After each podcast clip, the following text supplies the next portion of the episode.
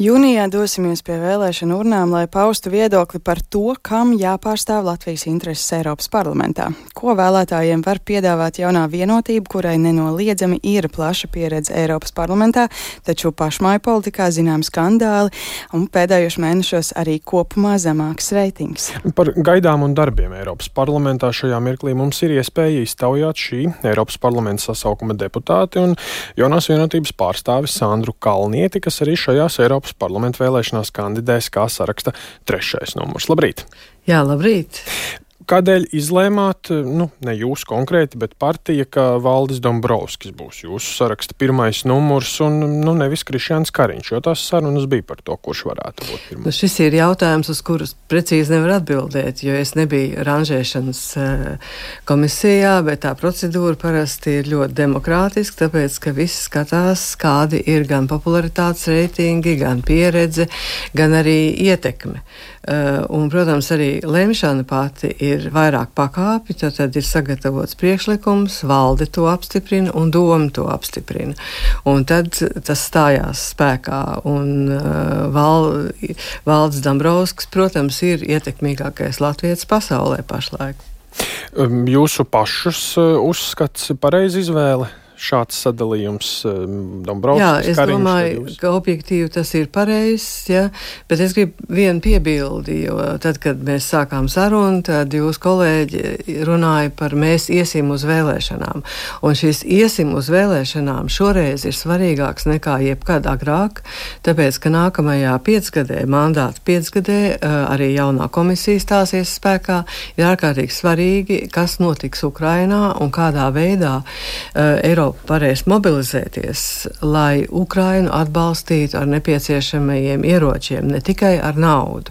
Un, un tur nu gan Valdis Dambrovskis, būdams Eiropas e, komisijas izpildu direktora, iz, prezidentas e, izpildu vietnieks, e, ir, ir devis ļoti lielu ieguldījumu. Un, tiksim, es septiņus ar pus gadus vadīju uh, Eiropas uh, lielākās frak parlamenta lielākās frakcijas ārlietu portfeli.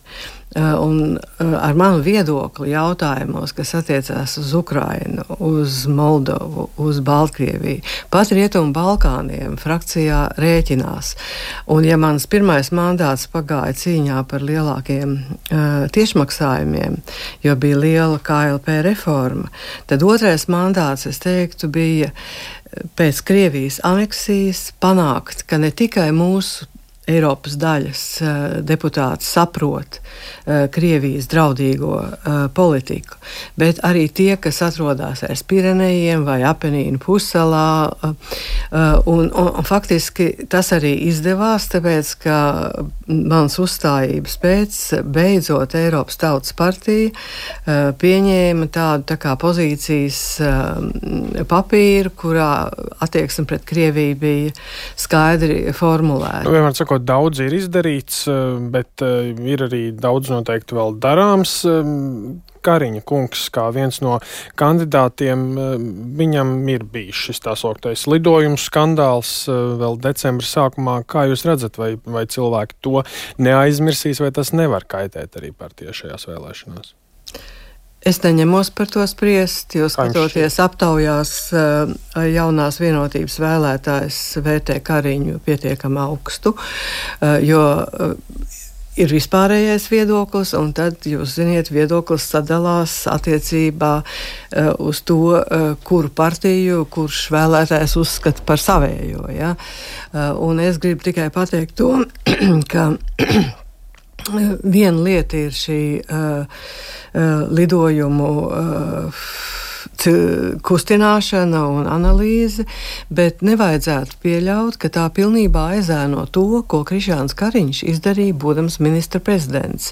Mazākuma valdības apstākļos, gandrīz mazākuma valdības apstākļos, ja, viņš izgāja cauri divām milzīgām krīzēm - Covid un karš Ukrainā. To noteikti arī novērtēs vēlētāji, vai tas, kurās svaru kausos, protams, būs eh, kuri labie darbi vai kādi citi skandāli, bet, nu, šis te, piemēram, varbūt šis skandāls, varbūt arī nē. Nu, SKDS rā, dati rāda, ka novembrī vēl bija 11,1% atbalsts, decembrī jau krietni zemāks, 8,3%, tagad atkal nedaudz augstāks. Jūs šo ar ko saistītu, ka kopumā tomēr nedaudz ir krities tas reitings?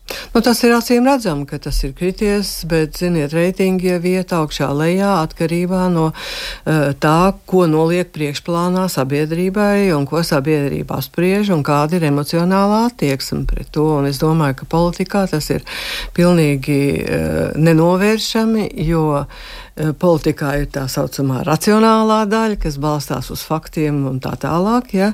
un tad ir tā emocionālā attieksme pret faktiem. Uh, un tas ir tas, kas faktiski arī nosaka politikas virzību vienā lielā daļā.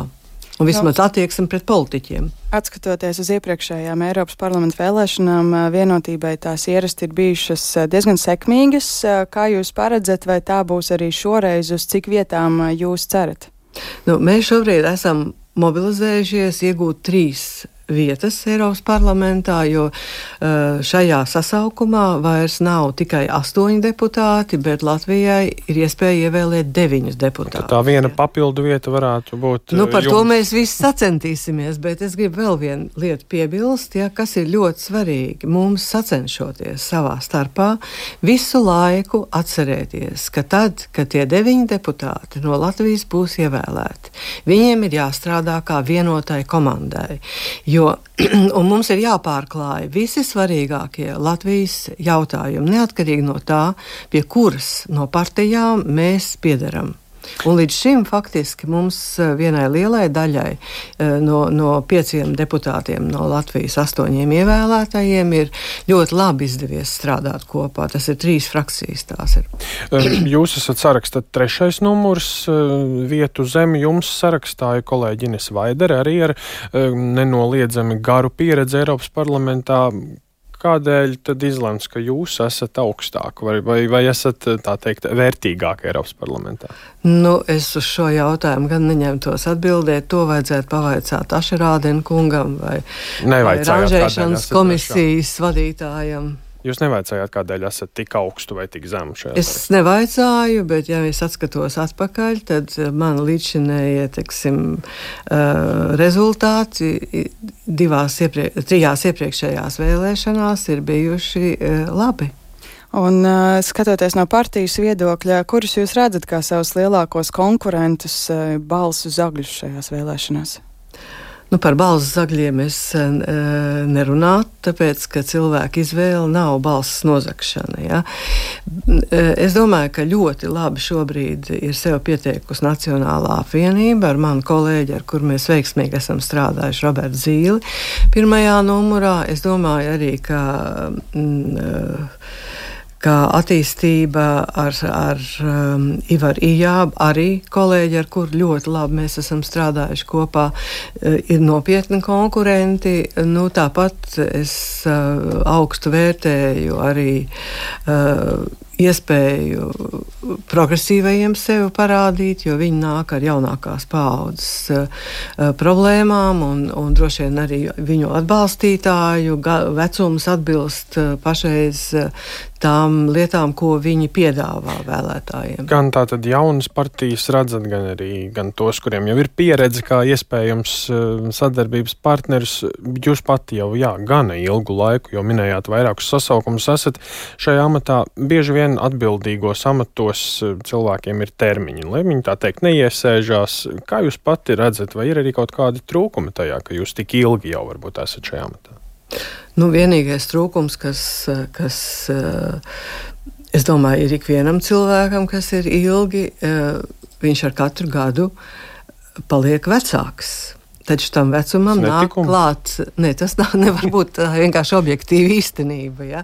bet ar katru gadu nāk arī klāt pieredze. Ja? Jo tad, kad es iegāju Eiropas parlamentā, ja, tur ir vajadzīgs zināms laiks, lai saprastu, kā parlaments šajā ļoti sarežģītajā struktūrā, mhm. kur pārklājās gan Eiropas intereses, gan nacionālās intereses, un nacionālās intereses toreiz bija 28, tagad ir 27. Uh, Un plus vēl tur uh, ir arī uh, savstarpējā konkurence starp spilgtām personībām. Un, un tur ir jāiemācās peldēt, lai varētu kaut ko sasniegt. Ja?